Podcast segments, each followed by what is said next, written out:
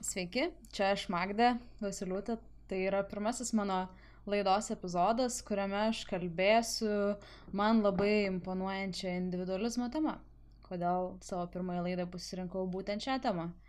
Pirma, tai iš esmės atskleidžia mano fundamentalų požiūrį į pasaulį. O antra, tai yra šios laidos prasme - atskleisti individualių žmonių, asmenų nuomonės bei kaip jie mato pasaulį, nenumažinant jų į kažkokias socialinės grupės bei tų grupių daugumos reiškiamas pozicijas. Tai pradėdami kalbėti apie individualizmą, turime atsakyti klausimą, kas tai yra. Tai iš esmės yra įvairiose sritise naudojama filosofinė sauka, kuri apsima poziciją iškeliančią vieno asmens moralinę reikšmę individo sąvoka ateina iš lotyniško būdvardžio individus, kuris reiškia nedalijamas arba vientisas.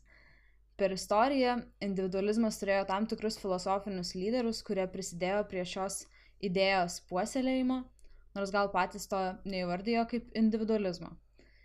Individuo idėjos suvokimą galime analizuoti per mikro ir makro prizmes, platesnį ir siauresnį kontekstą, kurie šiaip savaip e, išgauna arba paaiškina idėjos pasireiškimą ir plitimą. Tai pradėkime nuo makro prizmės, kuri yra tikrai labai didelė ir plati ir tai apima antikinės Graikijos filosofiją ir krikščionybę.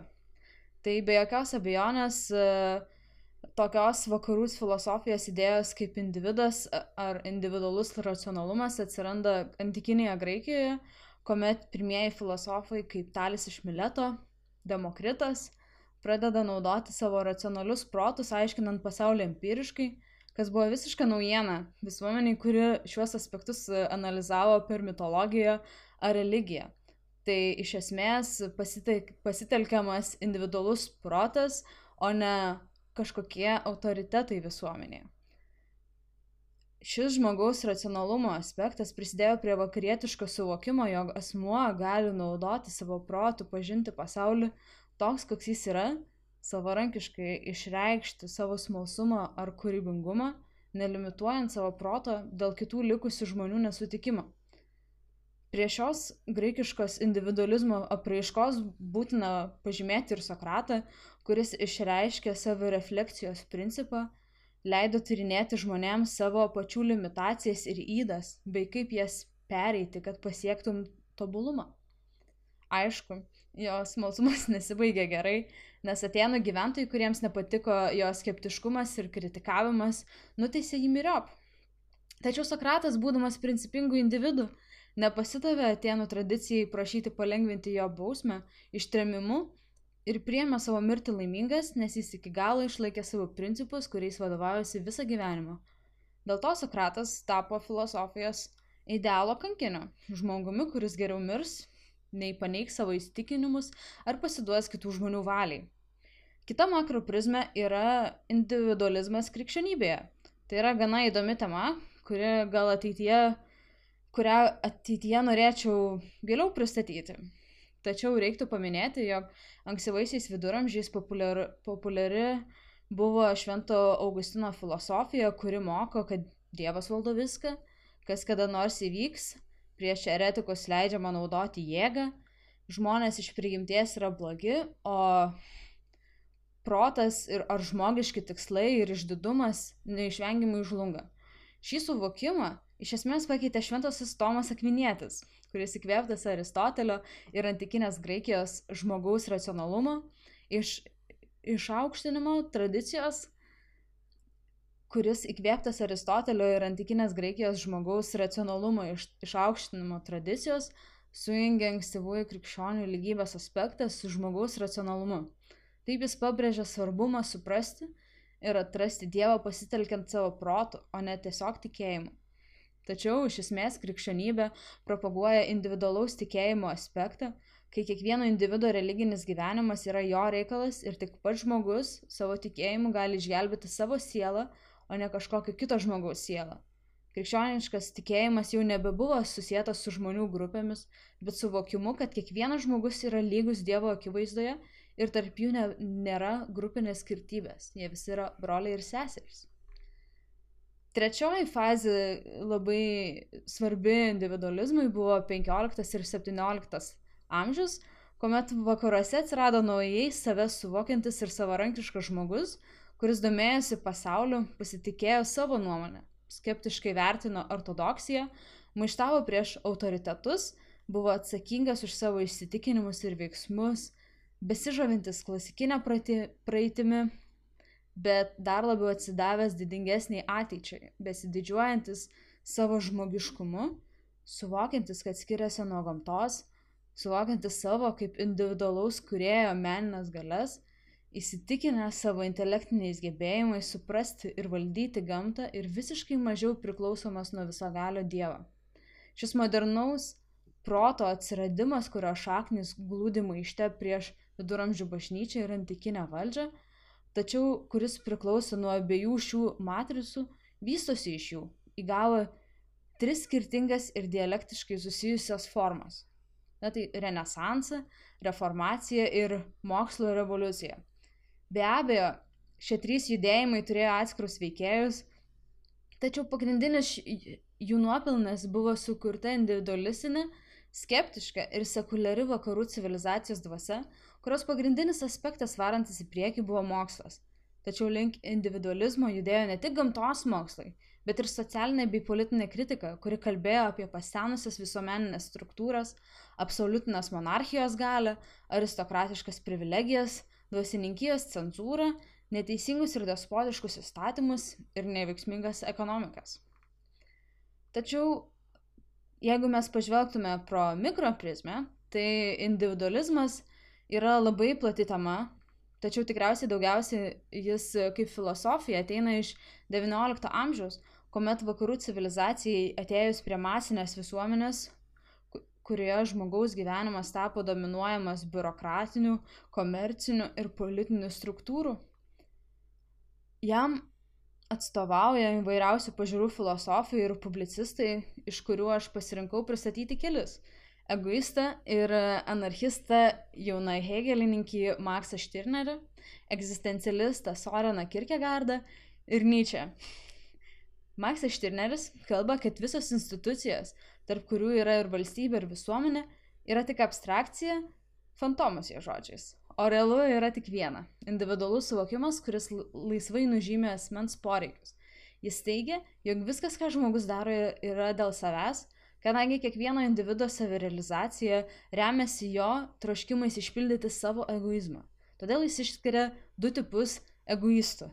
Valingus, kurie supranta savo egoizmą ir pasirenka savo veiksmus dėl to, kad jie išpildo jo individualius poreikius. Ir antra, nevalingus egoistus, kurie bus apsistis tuščios idėjos ir tikėsis, kad įgyvendina aukštesnį tikslą. Kaip tarnavimas ar pasiaukojimas kitam. Tačiau paprastai jie nesuvokia, kad uh, jie tik tenkina savo troškimus būti laimingi ir saugus. Ir jis uh, pareiškia, jog uh, laisvė gali būti tik visa laisvė, o laisvės dalis nėra laisvė. Ir jis sako, kad jūs beviltiškai tikitės galimybės gauti visą laisvę, laisvę nuo visko. Taip, jūs manote, kad tai beprotybė net norėti, Kągi, tada palikite fantomo gaudimą, o savo vargus nukreipkite į ką nors geresnio nei nepasiekimą dalyką. Tuo tarpu, Kirkegardo problema buvo e, atrasti, kaip tapti krikščionimi krikščionybėje. Ši užduotis sunkiausia buvo išsilavinusiams žmonėms, nes vyraujančios švietimo ir kultūros institucijos buvo linkusios kurti stereotipinius minios narius, o neleisti individams atrasti savo unikalią tapatybę. Šią problemą dar labiau apsunkino ir tai, kad Danija neseniai ir labai greitai iš feodalinės visuomenės tapo kapitalistinė, o visuotinis pradinis išsilavinimas, didelio masto migracija iš kaimo vietojų į miestus ir labai padidėjęs socialinis mobilumas reiškia, kad socialinė struktūra ir griežtai, iš griežtai hierarchinės virto santykinai horizontale.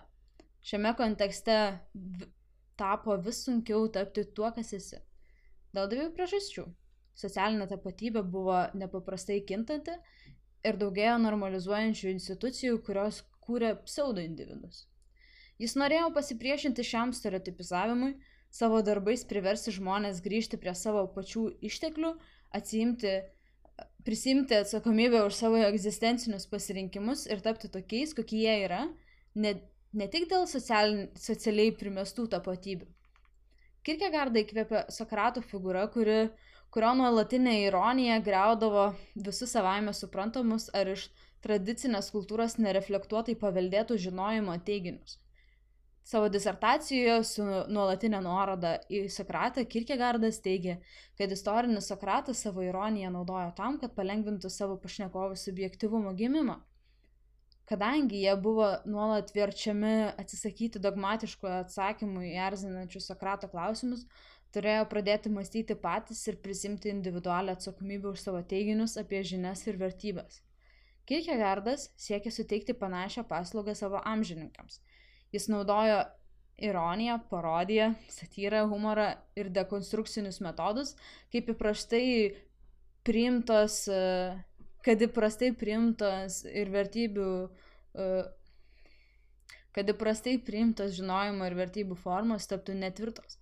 Jis buvo šmaikštus, nuolat erzino savo amžininkus nepatogiamis mintimis. Jis taip pat buvo kaip akušeris, padedantis gimti individualiam subjektivumui ir verčiantis žmonės ugdyti vidinį gyvenimą per kritišką savirefleksiją. Jo bendravimo menas tapo menu atimti, nes jis mane, kad jo auditorija kenčia nuo per didelio, o ne per mažo žinių kiekio. Kirkegardo skaitytojas turėjo būti priverstas prisimti asmeninę atsakomybę už tai, kad žinotų, kas jis yra ir už tai, kokią poziciją užima tekstuose keliamais egzistenciniais, etiniais ir religiniais klausimais. Nyčia taip pat kartais galima pavadinti individualistu, bet jo suvokimas ateina per jo idėją - valią galiai, kurie apibrėžia gyvenimo instinktus kaip augimą ir ilgamžiškumą. Jis kritikuoja klasikinės filosofijos aukščiausias vertybės kaip vergų moralę, kuri kyla iš žemesnių sluoksnių priespaudos ir žiūri į ponų moralę su šmeištu. Vergų moralė siekia ne jėga, o kropšių perversmų įtikinti savo uh, valią. Jis siekia ne pranokti šeimininkus, bet paversti juos taip pat vergais, kurie tarnauja jų idėjoms - lygybei, nuolankumui, asketizmui ir užuojautai. Žmonėms, kurie kūrė šią universalią moralę, reikėjo tikėti savo vertę, kad jie yra kažko didesnio už juos dalis. Ta didesnė grupė gali būti bet kas - pasaulis, tauta, šeima, religinės grupės. Tačiau, kai yra išsiaiškinama, kad tokių visumų nėra ir jos neegzistuoja, žmogus gali pamiršti savo individuo gyvenimo prasme. Tai viena iš jo modernaus pasaulio diagnozių ir kodėl atsiranda nihilizmas apgauti universalizmo ir aukštesnių idealų, individai pameta savo pačių vertę ir žmogiškąją vertybę, savo tobulėjimą ir progresą. Nyčia teigia, jog moderniam žmogui būtinga kažką daryti, kad būtų patenkintas pasauliu arba patenkintas savimi, bet dažniau yra meluojama savo, kad esame laimingi ar patenkinti tuo, kas esame. Dėl šios priežasties jis sako, Dievas yra miręs, nes žmogus, kuris yra patenkintas savimi, nužudė jį, kadangi Dievas yra aukščiausias liudininkas, kad žmogus nėra tobulas. Čia iškyla Nyčias Ubermensch, kuris kaip super žmogus stengiasi pranokti save. Šį aspektą jis matė kaip išsigelbėjimą nuo universalių idėjų, suteikiant egzistencijai naują tikslą ir naują idealą, kuris propaguoja individo stiprumą pralenkti save ir pro parodyti, kad kitoks gyvenimo būdas yra įmanomas. Tokiais super žmonėmis jis laikė Jėzų Kristų, Sakratą ir kitus, kurie iškilo, nes parodė žmonėms, kad galima gyventi kitaip. Taigi pabaigai noriu pakviesti jūs kartu su manimi, jūsų draugišką kaiminystės individualistą, gilintis į mūsų pasaulį, toks koks jis galbūt yra pilnas in, įvairiausių individų, kurie skleidžia savo mintis ir idėjas. Taip pat atrasti save ne, tik kaip grupės dalį, bet kaip nedalomą asmenį, turinti savo vertę, kurią galima nusistatyti tik pažiūrėjus iš savo perspektyvos. Tai ačiū, kad klausėtės ir susitiksim kitą savaitę.